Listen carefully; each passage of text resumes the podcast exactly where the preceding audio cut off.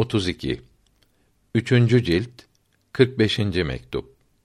Bu mektup Sultan Serhendi'ye yazılmıştır.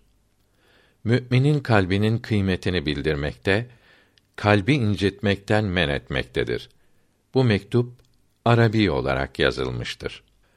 Alemlerin Rabbi olan Allahü Teala'ya hamdolsun ve onun Resulü Muhammed aleyhisselama ve bütün aline ve eshabına salat ve selam olsun.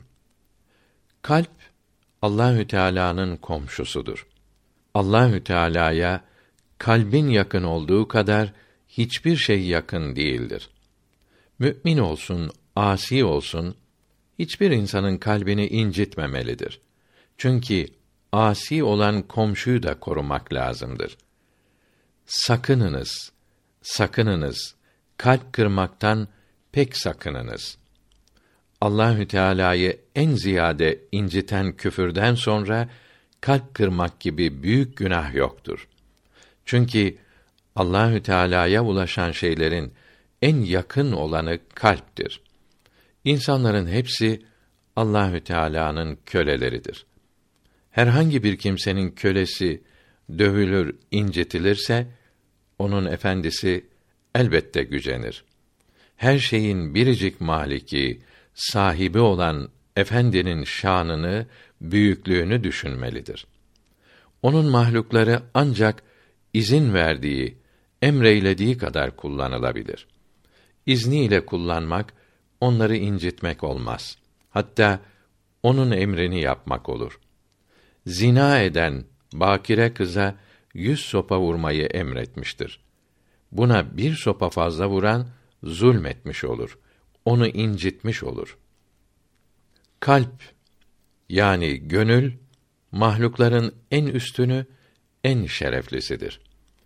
İnsan alemi kebirde yani insanın dışında bulunan her şeyi kendinde topladığı için mahlukların en kıymetlisi olduğu gibi kalp de alemi sagirdeki yani insanda bulunan her şeyi kendinde topladığı için ve çok basit ve hulasa olduğu için çok kıymetlidir. Kendinde çok şey bulunan Allahü Teala'ya her şeyden daha yakındır. İnsanda bulunan şeylerin bir kısmı alemi halktandır. Bir kısmı da alemi emridendir. Alemi halk madde ve ölçü bulunan mahluklardır. Alemi emr madde olmayan ve ölçülemeyen şeylerdir.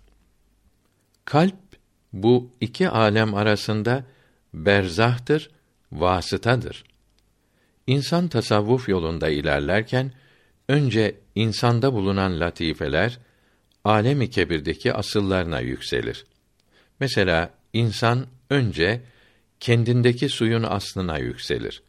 Sonra havanın aslına, sonra hararetin aslına, bundan sonra alemi emrin latifelerinin asıllarına, sonra kendinin Rabbi olan yani terbiye edicisi, yetiştiricisi olan bir ismin bir kısmına, sonra Allahü Teala'nın bu isminin bütününe, sonra Allahü Teala'nın dilediği derecelere yükselir.